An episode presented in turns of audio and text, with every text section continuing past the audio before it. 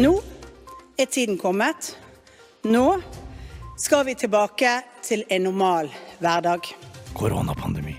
Det betyr at vi endelig kan legge bort meteren. Laks til middag. Jeg folder den fint i sammen City Living. og tar godt vare på den. Lerkendal.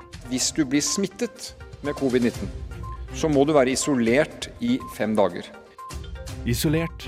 En podkast av Radio Revolt. Ja, dette her er jo deres favoritt-koronapasient. Herman Amundsgaard. Eh, Det har jo vært langt over et år siden sist de eh, satt inne på hotell, og, og ting går bra.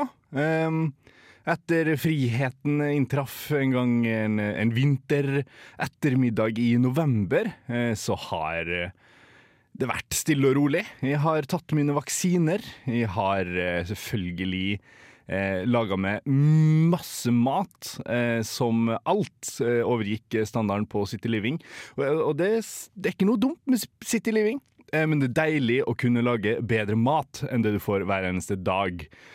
Eh, det er jo sånn at verden eh, eh, fremdeles er i pandemi.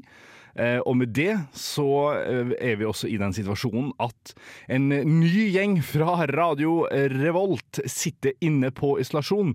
Så dette er jo bare en uh, Your Neighborhood friendly reminder av at sesong to av Isolert kommer der du er.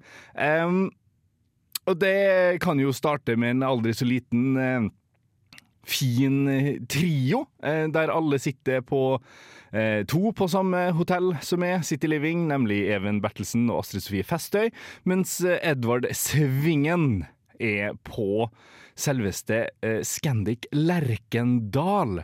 Ja, ja, ja, man leker ikke pandemi, som eh, man sier, eh, og i første episode skal vi få høre deres, ja, dem tre prate om hist og pist og, og deres livssituasjon. Så jeg håper du, du setter pris på sesong to. Det blir gøy å høre livet på den andre sida igjen.